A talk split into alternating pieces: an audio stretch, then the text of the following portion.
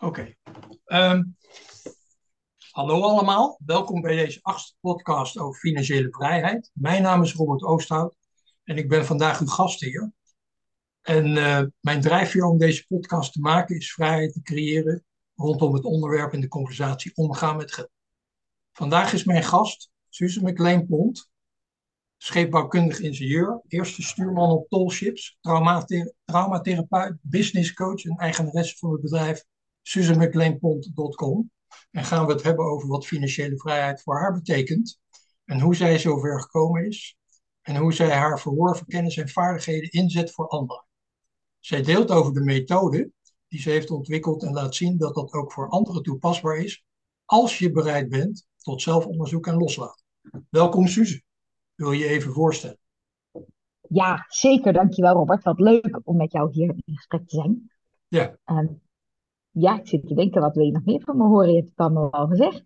Nou ja, kijk, uh, uh, wie is Suze? Misschien kun je iets vertellen over je uh, achtergrond, privé en zakelijk. Ja. Uit wat voor Ja, gezin ben, kom je bijvoorbeeld? ik ben, ehm, ja, het- weet je, ik ga gewoon maar vertellen en waar je denkt, nou, de- weet je, onderbreek me gerust. Laten we daar gewoon een gesprek over hebben. Want ik kan zo drie uur vol praten over mijn achtergrond. Eh, drie weken, drie maanden. Ik Ja, kom er wel uit. Ehm, nou, mijn naam is Susan McLean Pont. Ik ben inderdaad scheepsbouwkundig ingenieur. Dat is wat ik gestudeerd heb toen ik ehm, na de middelbare school een studie moest kiezen. Ehm, maar ik was eigenlijk geïnteresseerd in ongeveer alles. ja, Tussen, tussen Engelse literatuur, eh, rechten, sterrenkunde, scheepsbouw en iedere studie die daartussenin zit, wil, wil, wil ik nog steeds alles weten. Mhm. Ik ben ongelooflijk geïnteresseerd in alles wat ik om me heen zie. En toen ik een studie moest kiezen na de middelbare school, waren er eigenlijk twee dingen die ik wou. Eén is weg thuis. Nou, daar zal ik straks meer over vertellen. Ik heb hele lieve ouders, fijn gezin, maar mijn ouders hebben hele ernstige Tweede Wereldoorlog trauma's. Mhm. En eh, daar zijn ze zichzelf ook niet van bewust. Dus dat, nou, daar speelde van alles. Ehm, en ik wilde daar weg. Dus dat Ja, was één. Het tweede was dat ik alles wilde weten. Maar de- ik kon niet kiezen. En op een gegeven moment heb ik, ik heb mijn hele leven veel gevaren. En op een gegeven moment bedacht, weet je, waar ik me nou echt thuis voelde. Dus ik wilde weg bij mijn ouders.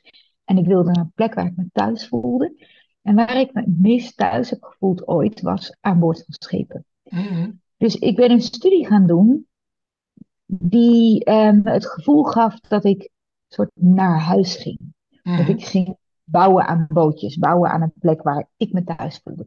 Ja, En ik ging een studie doen eh, die ik later in mijn vrije tijd nooit meer bij kon leren. Dat was ook een belangrijke drijfveer voor mij om scheepsbouwkunde te studeren. Ehm, want ik had zo'n idee en het is ook, ja, het is natuurlijk, natuurlijk kun je niet de rechten in je avonduren even leuk erbij doen. Maar dat wat ik erover wil weten, kom ik best een eind om daar iets over bij te leren. Ja, Maar een vak als scheepsbouw werkt dat op die manier absoluut niet mee. nee. Dus ik ging scheepsbouwkunde studeren. Maar ik wou helemaal niet ingenieur worden. Dat was helemaal nooit mijn ambitie. Ik Mhm. wou eigenlijk zelfs met de hand houten bootjes bouwen. En, maar ik heb een behoorlijke rugafwijking, dus dat ging niet. En ik voelde me eigenlijk totaal verloren, in de war. Ik wist het niet. En ik wou weg, thuis. En ehm, het raakt me ook als ik het zeg. Ik wou mijn eigen wereldje creëren. Ja, In die scheepsbouwwereld voelde ik me thuis, dus daar ging ik heen. Maar toen ik klaar was met die studie, was ik helemaal geen goede ingenieur. En, en vond ik dat ingenieursvak eigenlijk ontzettend saai. Mhm. Ik vond die boten heel leuk, maar dat was helemaal niet waar ik het moest zoeken. Dus ik ben na een jaar loondienst bij, eh, bij een heel groot ingenieursbureau, eh, ben ik mijn eigen bedrijf begonnen. Eigenlijk ook dat meer uit een gevoel van, ja, wat dan als ik nergens pas? Dan ga ik maar mijn eigen ding creëren in deze wereld. ja, Het is helemaal niet zo dat ik een drijfveer had om ondernemer te zijn. Het is zo dat ik me nergens thuis voelde. ja. En dus maar ondernemer werd. Mhm. En ehm, vanuit mijn bedrijf dacht, ja, weet je, ik ga gewoon mensen helpen met, met wat ik zie en met waar zij behoefte aan hebben. Mhm. Ja, en dan vogel ik het wel uit. Ja, Dus Weet je, als je nou, over, nou hoort, de eerste vijf jaar van mijn ondernemerschap heb ik mijn omzet verviervoudigd. En dan Mhm. denken mensen, oh, nou, die is van nature een fantastische ondernemer en die snapt het. Maar het enige wat ik begreep, is hoe ik dicht bij mezelf moest blijven. En ik begreep absoluut niet hoe ik mij de wereld iets moest doen. Mhm. Anders dan, en dit is heel belangrijk, anders dan dat ik wel begreep hoe ik, ondanks dat ik niet wist hoe ik mee kon doen in de wereld, begreep ik wel hoe ik een ander kon helpen met iets. Ja. Ik begreep niet zo goed dat iemand op mij zat te wachten, maar ik begreep wel dat iemand op de oplossing die ik kon bieden zat te wachten. Ja. Nou, zo ben ik als ondernemer begonnen. Ja. Ja. Even terug, want ik vroeg aan jou uit wat voor gezin kom je? Daar heb je al even iets over gezegd. Ehm, eh, zou je daar nog eh, iets over willen zeggen? Of kun je iets zeggen over hoe je gezin er nu uitziet? Ja, ik kom ehm, uit een, een, een gezin, ja, als je de thematiek daar hoort, is het best complex. Ja. Eh, mijn ouders zijn neef en nicht. Ja. Laten we daarmee beginnen. Ja. En dus ze zijn volle neef en nicht, hebben met elkaar in de wieg gelegen, zijn samen opgegroeid. Mijn moeder verhuisde ehm, ieder jaar, soms Mhm. vier keer per jaar. Haar vader was, was kolonel in het Nederlands leger, Ja. eh, luitenant-kolonel. En hij werd voortdurend overgeplaatst. En Mhm. zij heeft nergens een school af kunnen maken. Heeft nooit vrienden eh, echt leren maken. Omdat ze voordat ze vrienden had alweer vertrok. Dus zij is van Breda naar Duitsland, naar Arnhem, naar, naar, naar, oh, de- de- de- voortdurend naar andere kazernes overgeplaatst. Dus mijn moeder, ehm, en er zit nog een heel verhaal aan vast, dat, dat voert een beetje te ver hier. Mijn opa heeft een heel groot oorlogstrauma. En mijn opa en oma hebben elkaar ehm, tijdens een vlucht voor de Russen ontmoet. Ehm, en, en zijn daar heel erg door beschadigd, maar hebben elkaar daardoor ontmoet.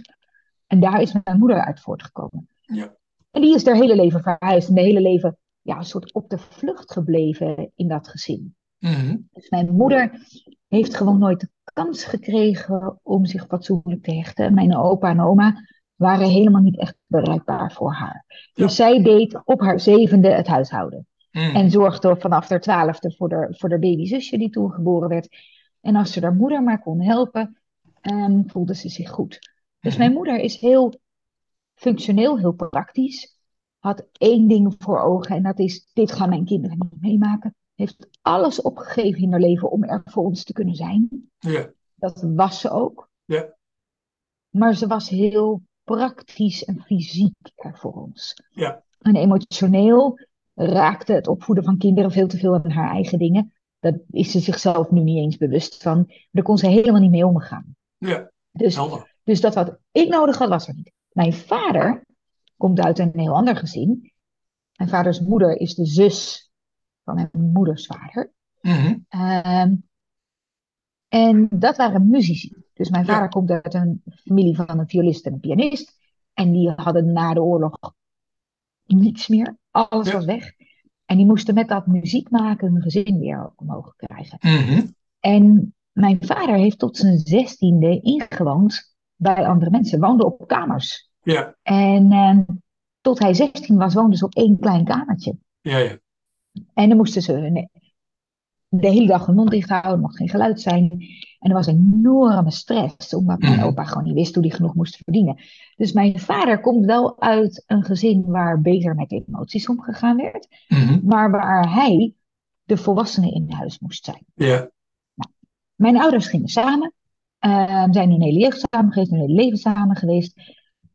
Maar er was heel veel liefde, dat is er nog Mhm. steeds, maar ook ontzettend veel ruzie. Ja. Want al die onopgeloste conflicten zaten ook tussen hun. Ze hadden Ja. geen idee hoe ze iets anders moesten doen. Ja. Maar ze waren gewoon dag en nacht elkaar de hersens aan het inslaan, is mijn herinnering. Ja. Ja. Ja. Ik denk dat als je er een video bij zou hebben, er vast ook andere dingen waren. Maar Mhm. het was heel onvoorspelbaar voor mij thuis. Mijn vader ging vreemd bij het leven. Mijn moeder riep dat ze dat allemaal goedkeurde. Maar ondertussen had ze heel andere verhalen. Nou ja, ik vond het ongelooflijk ingewikkeld. Ik heb twee zusjes. Eén is Mhm. anderhalf jaar ouder, één is zeven jaar jonger. Ja. En die gingen allemaal mijn moeder verdedigen en allemaal tegen mijn vader. En het, het was een heel complex broeinest van emoties waar ik me ontzettend onveilig voelde. Ja. En vooral heb geleerd ja, hoe het dan niet moet. Ja. Ehm, ja, en waarin ik absoluut niet wist wat mijn plek nou eigenlijk was. Mhm. Ehm, dus dat is het gezin waar ik vandaan kom. Ja. Er was ook heel veel liefde. Maar dat begrijp ik nu eigenlijk pas. Ja. Helder. Het gezin wat ik nu heb, vroeg je ook naar. Ik heb nu een man en twee kinderen. Eh, mijn oudste zoon is officieel van een andere vader. Mhm. Die is weggegaan toen ik acht weken zwanger was. Ja. Dus toen was ik een poos alleenstaand moeder. Vlak voor de geboorte heb ik Jacco leren kennen. Die heeft Benjamin geadopteerd. Is er altijd geweest. Dus ik heb nu eigenlijk juist het omgekeerde van wat ik vroeger had. Een heel Mhm. stabiel gezin. Ja. Ehm, mijn gezin nu kenmerkt zich ehm, vooral doordat Jacco en ik bereid zijn om alle trauma's, Jacco komt ook uit een heel getraumatiseerd gezin, doordat we bereid zijn om alle trauma's die we in elkaar oproepen aan te kijken en aan te gaan en ehm, te helen terwijl ze zich voordoen. Dus waar mijn ouders het uit elkaar lieten spatten, eh, nemen Jacco en ik eigenlijk alles wat we tegenkomen in het ondernemen, in de relatie, in onze relatie met de kinderen, nemen we aan als een kans om de dingen die we tegenkomen te helen en op te lossen. Ja, mooi. Dus ehm, we hebben nog een dochter gekregen, die is anderhalf jaar jonger dan Benjamin. Dus Ja. wij hebben een gezin waarin eigenlijk alles er mag zijn en we niets proberen ergens onder te duwen, hoe moeilijk het ook is. Mhm. Dus dat is eigenlijk een beetje het omgekeerde van waar ik in opgegroeid ben. Het is sta- Ja. stabiel, maar dit is wel belangrijk, want de meeste mensen hebben zo'n idee van dat een stabiel gezin eruit ziet als een gezin waar zich niks voordoet. Ja, dat is En- natuurlijk niet zo. Daar ben ik nog nooit tegengekomen. Nee, klopt. Zou wat ik weet zijn. niet of het niet bestaat, maar weet je, ik ken wel heel veel gezinnen waarin we de dingen niet aankijken en doen alsof het stabiel is. Ja.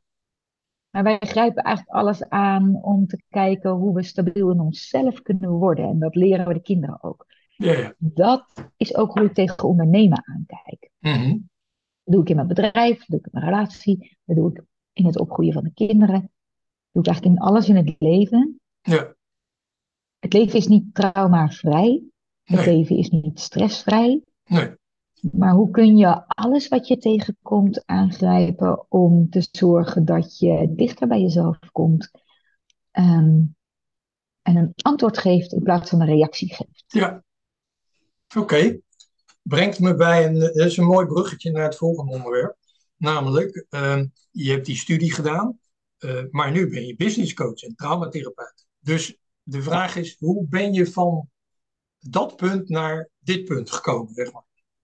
En wat betekent financiële vrijheid in die context voor jou? Ik weet al wat je daarover Nou, gezegd hebt in het verleden.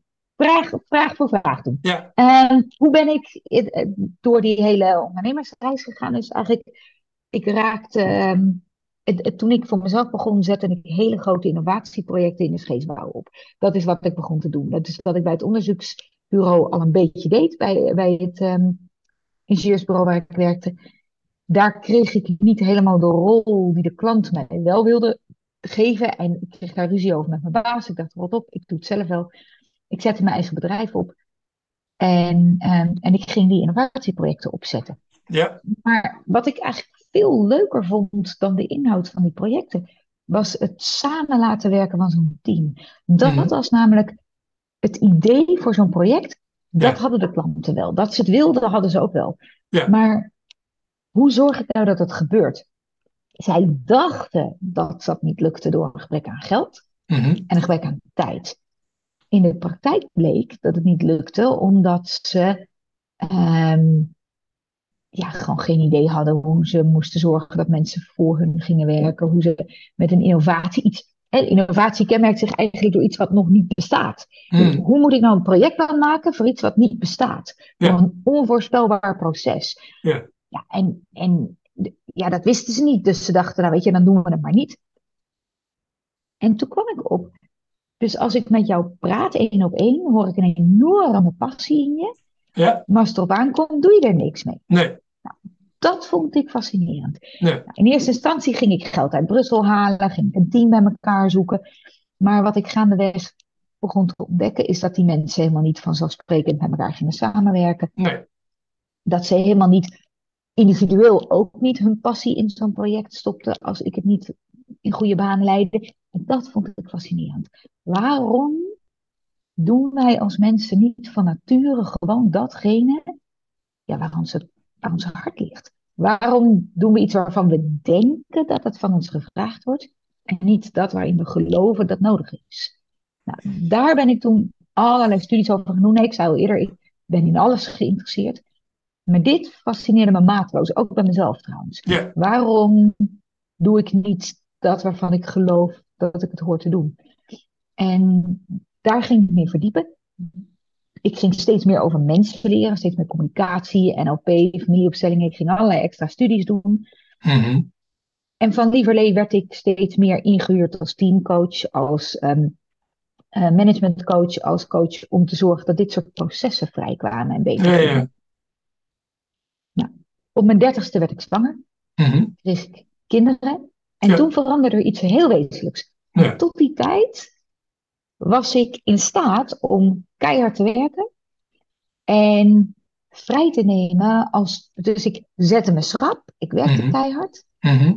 voor een ander. Ik zette Ja. mezelf eigenlijk in de schaduw in een hoekje. Ja, En als het even niet meer ging, of als het te veel werd, of als een project klaar was, nam ik twee, drie maanden vrij. mhm. En ik dacht, nou, ik ga heel goed met mezelf om. Ik vond het perfecte zelfzorg. Ik Mhm. zat vier, vijf maanden per jaar op zee. En in de tussentijd werkte ik hard en dat werkte goed voor me. ja. En ik dacht, jongens, dit is helemaal niet zo moeilijk.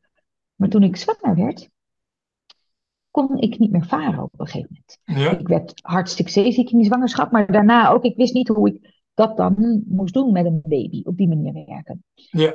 En toen werd ik geconfronteerd met dat wat ik dacht dat goede zelfzorg was, Mhm. eigenlijk het perfecte status quo van het onderdrukken van mijn trauma's was. Ja, Dus toen Mene geboren werd, werd ik geconfronteerd met ongeveer ieder jeugdtrauma wat ik zelf had. Het mhm. was een ongelooflijk ingewikkeld, eh, ingewikkelde tijd. Ik vloog tegen een plafond. Ik, ik, eh, ik wist absoluut niet hoe ik het in vredesnaam allemaal moest doen. Plus dat ik in een relatie met Jacco was en ik vond dat Jacco dit allemaal niet moest meemaken.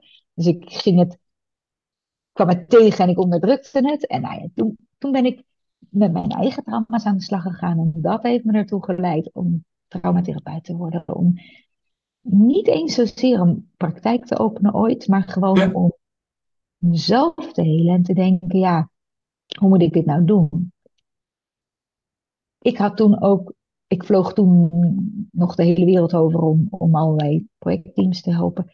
Daar ben ik steeds meer mee gestopt. Steeds meer één op één mensen gaan coachen. Ja, Nou, in die eerste 15 jaar van mijn ondernemerschap ehm, heb ik zo ongelooflijk veel verschillende bedrijven zelf opgezet, verschillende projecten opgezet, verschillende ondernemers geholpen. Ehm, dat ik dacht, hoe, hoe zit dat dan? Wat is dan een goed bedrijf? Ja. De meeste business coaches leren je om hun methodetje toe te passen mhm. dan groeit je bedrijf. En ik zag dat helemaal niet. Ik zag elke ondernemer die het echt succesvol deed en die ik echt succesvol hielp, vooral heel dicht bij zichzelf komen en van daaruit succes creëren. Daar ben ik toen programma's over op gaan zetten. ja. Zo, want ik, ik vind namelijk het hele van je verleden en het hele van je trauma's op zich, vind ik onzin. Ja, onzin. Vind, we hoeven ons verleden niet op te lossen. Het is voorbij. Nee, je bent eh, goed zoals je bent. Ja, dat. Maar veel belangrijker, het verleden ligt achter je. Dus waarom moet je dat oplossen? Heel veel mensen denken dat ze, eh, als ze met een trauma iets moeten, dat ze dan met het trauma iets moeten. Ja. Maar als je ergens niet, niks mee moet, is het met het Is het trauma. dat? Ja. Waar je iets mee moet, is met het gezonde stuk wat onderdrukt wordt. Het Ja. trauma is niet het probleem. Het onderdrukken van het gezonde stuk is het probleem. Ja. Nou, dat Mooi. doen mensen via allerlei overlevingsmechanismen in hun ondernemerschap. En toen dacht ik, ja, mensen gaan naar een traumatherapeut. Die werkt met hun trauma, waar we niks aan hebben. Ze gaat Ja. naar een business coach, die leert een trucje, wat niet helpt. En die twee ben ik gaan combineren. Nou, Mhm. zo is, dit is iets wat ik voor mezelf ben gaan doen. Ik ben mensen gaan leren wat ik deed om mijn eigen bedrijf eigenlijk weer op te trekken. Ja. En ehm, ik dacht in eerste instantie, ja, maar jongens, wie zit daar nou op te wachten? Maar mensen gingen me steeds meer vragen. Ja, ik wil gewoon eh, leren hoe, hoe jij dat dan doet, want je komt er steeds gezonder uit. En, en volgens mij ben je wel leuke dingen voor ons aan het doen. Maar wat is het nou eigenlijk dat je zelf doet? Ja, Nou, zo ben ik op pad gekomen wat ik nu de afgelopen zes jaar ja. Oké. Nou, ehm, je weet, dit, dit, deze podcast gaat over financiële vrijheid. Je hebt daar een uitgesproken mening over. Maar wat is nou, zeg maar, geredeneerd vanuit wat je net vertelde, eh, jouw visie op financiële vrijheid? Ik ken hem wel, maar de luisteraars en de kijkers niet. Ehm, financiële vrijheid heeft voor mij niet zoveel met geld op zich te maken. Ja, De meeste mensen die het over financiële vrijheid hebben, hebben het over ehm, genoeg geld op de bank hebben. Zekerheid hebben over wat er binnenkomt. ja, En ehm, ik kijk daar heel simpel naar. Wij hebben geen enkele controle over het geldsysteem op zich als individu. En de wereld verandert. De inflatiecijfers zijn op het moment dat wij dit opnemen door het dak aan het gaan. ja, Ehm, we- de, de koersen, de economie, die bepalen wij niet als, als één klein persoon. nee, Ehm, we bepalen de toestand van de wereld niet. We bepalen niet of er een oorlog is. Eh, we bepalen heel veel dingen niet. Er kunnen ongelooflijk afschuwelijke dingen gebeuren om ons heen. En, eh, om maar een voorbeeld te geven, de man van mijn zus werd op een ochtend spontaan wakker met een dwarslesie. ja. Nou, dat, ik wist niet dat dat kon, maar dat blijkt dus te kunnen. Mhm. Ehm, een vriend van mij heeft een kindje verloren. Ja, die dingen gebeuren. En dan kun je nog zo'n goed systeem om je heen hebben gebouwd. Maar er kan van alles gebeuren waardoor dat niet meer werkt. ja, En ik denk dat het leven heel simpel is. Namelijk, als jij iets geeft wat de wereld nodig heeft op dat moment, dan ja, komt er een stroom naar jou terug. ja, natuurlijk. Voor mij is financiële vrijheid niks anders dan weten en begrijpen hoe je in het moment Mhm. die stroom kunt aanboren, ook als alles anders wordt. Ja, ja, ja. Dat kan best even duren, soms. Ja. Weet je, eh, in corona heeft overnight ons hele bedrijf stilgelegen. Mhm. Ja, dan heb je niet in een week een antwoord. Nee, Maar proberen het oude systeem werkend te krijgen is zeker niet het antwoord. nee, Boos worden op jezelf, zeker ook niet. Eh, voor mij is financiële vrijheid eigenlijk altijd terug kunnen keren naar je eigen, ehm, je eigen werkelijke innerlijke kracht. Wat Mhm. jij kon brengen op deze wereld. En dat weten te verbinden met wat er in die wereld op dat moment van jou Ja, mooi. wordt. Ja. Als je die twee altijd kunt combineren, dan zul je nooit meer afhankelijk hoeven zijn van een systeem of van Ja. iets, van een baan of van een baas. Of een, dan kan je het nog steeds wel eens moeilijk hebben. Hè? We Mhm. hebben afgelopen 2,5 jaar financieel het heel moeilijk gehad. Ja, Maar, maar er is een heel groot verschil tussen even vandaag niet weten hoe je een rekening moet betalen of niet weten hoe je een antwoord moet vinden daarop. ja, dat is essentieel. Ja. Ja. Mooi, want daarmee raak je ook aan het thema eh, wat we hebben neergezet, namelijk hoe geld ons verbindt. Dus eh, ja, Ja. heel mooi.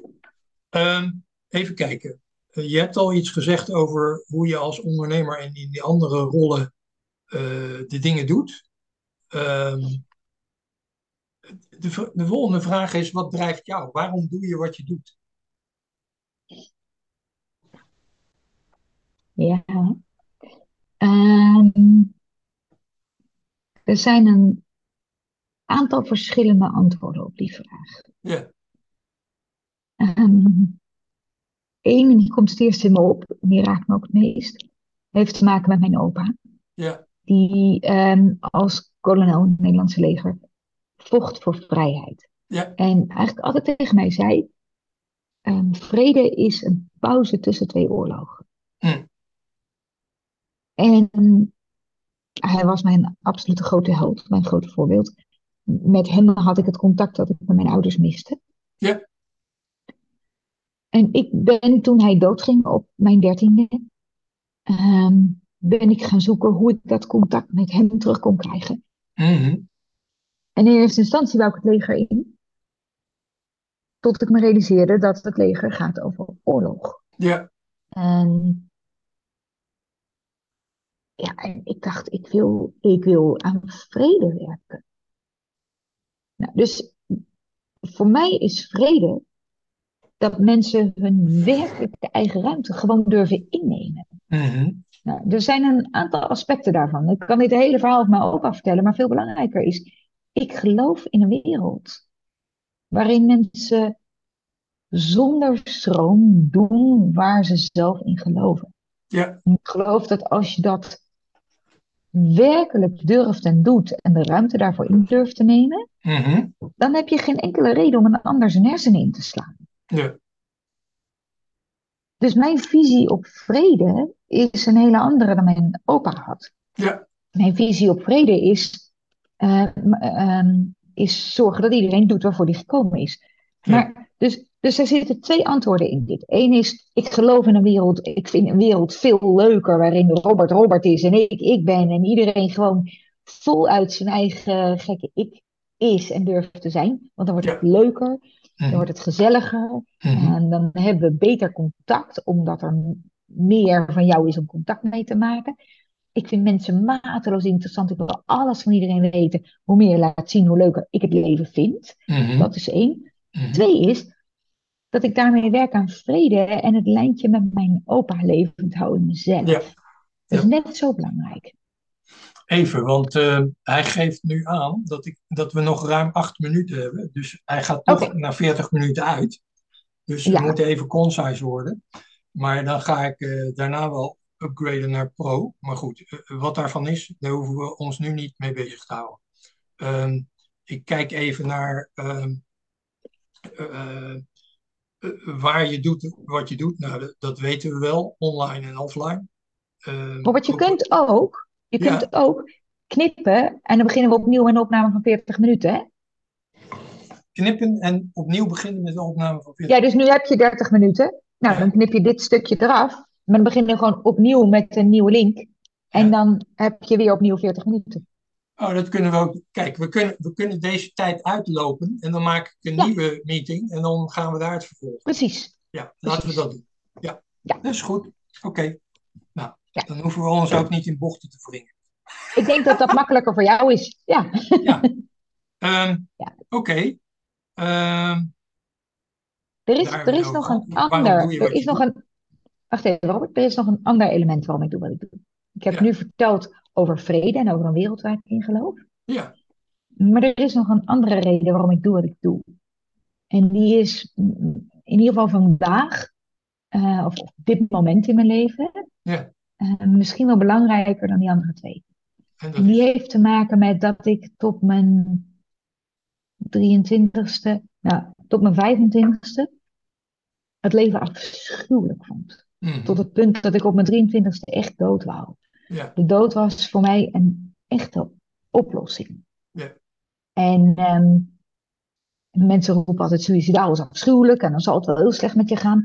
Voor mij was de dood mijn beste vriend. Mhm. En, ehm, en ik, ik vond het leven gewoon heel erg ingewikkeld en heel erg moeilijk. Ja. Ehm, en ik ben op mijn, ergens op mijn 23ste op een gegeven moment via een vriend eh, die tegen mij zei: God, ik zou je zo graag volgende week nog een keer willen zien, maar ben je er dan nog? Mhm. Toen zei ik: Nou, volgende week ben ik er nog wel. En dat was echt een heel wezenlijk moment voor mij, want toen realiseerde ik me: ik hoef maar één week te overzien. Ja. Nou, toen ben ik week voor week gaan leven. Dat gaf me een immense vrijheid om niks te moeten, niks te hoeven presteren. Nee, Niet het gevoel te hebben dat, het, dat, ik, eh, dat ik alles op hoefde te lossen of hoefde te begrijpen. Ik kon gewoon week voor week leven. ja. Tot mijn dertigste deed ik dat dus. En leefde ik een soort. Nou, ik, ik, ik snap niets van het leven. In de meest afschuwelijke periodes dacht ik, nou weet je, als ik komende week één leuk ding vind, is het oké. Maar ik mocht eruit stappen van mezelf. Ja. Toen ik dertig werd, ehm, werd ik zwanger van Benjamin. Mhm. En was die optie er niet meer. Dus ineens moest ik het leven leuker gaan vinden dan de dood. Nou, dat was een van de trauma's die voor mij vrijkwamen ehm, toen mijn kinderen geboren werden. Dat ik ineens een soort gedwongen werd om te willen leven. Want ik Ja. wil niet een moeder zijn die alsmaar met de dood op mijn kussen leeft. Nee. Want ik wil een goed voorbeeld zijn voor mijn kinderen. Een van de Mhm. dingen die ik absoluut wilde, was het anders doen dan mijn moeder. Ja. Was, ja, nou, je niet per se beter zijn dan mijn moeder, maar, maar gewoon mijn kinderen geven wat mijn moeder nooit heeft gekund. Ja. En dat betekende dat ik, om mijn kinderen voor te doen hoe ze moeten leven, ik gedwongen werd om het, ja, mijn hele verleden te helen en te zorgen dat ik naar mijn toekomst toe leef in plaats van vanuit mijn verleden. Ja. Zeg je nou Waarom ik, mijn kinderen gaven mij een reden om te leven? Is dat wat je zegt? Onder ehm, andere? ja, maar het is ook zo dat er geen uitweg meer was. Ja. Ik een voorbeeld wilde zijn en ik om me heen ging kijken en ging zien, dat is wat er misgaat bij kinderen. Ja, ja. We kijken naar de problematiek bij kinderen en we Ja. kijken hoe we die kinderen kunnen helpen. Maar je moet de ouder Maar bijna niemand kijkt naar wat er eigenlijk in godsnaam allemaal mis is bij die ouders. Ja. Mijn ouders probeerden het voor mij goed te doen. Ja. Dat hebben ze echt geprobeerd. Ja. Maar wat ze niet deden, was zorgen dat ze iemand waren die ik wilde worden. Ja. En toen ik me dat ging beseffen, dacht ik, maar ik wil iemand zijn die mijn kinderen willen worden. Mhm. En ik denk dat alle ondernemers waar ik mee werk, ehm, iets willen doen in de wereld. Voor de wereld, dat is ook een doelgroep waar ik mee werk, mensen die de wereld beter willen maken. Ja. Maar wat daarvoor nodig is, is dat je iemand moet willen zijn die de wereld wil worden. Dus de wereld wordt leuker, maar het leven wordt ook leuker. Maar ik- een van mijn grootste drijfveren is ook dat ik ehm, zo'n ontzettend chronisch gebrek aan voorbeelden heb gehad, Mhm. dat ik me besefte dat ik dan zelf een voorbeeld moest gaan worden. Ja. En dat drijft mij iedere dag. Ja. Mooi. Oké, volgens mij is het Ehm, nu tijd voor een nieuwe link, Robert, want we hebben nog Ja, ik minuten. ga eh, nog twee minuten eh, en dan ronden we af. Dus misschien is het inderdaad goed om nu even eh, te stoppen. En dan ga ik een nieuwe link maken en dan kom ik zo bij je. Ja. Ja? Heel goed. Oké, tot zo.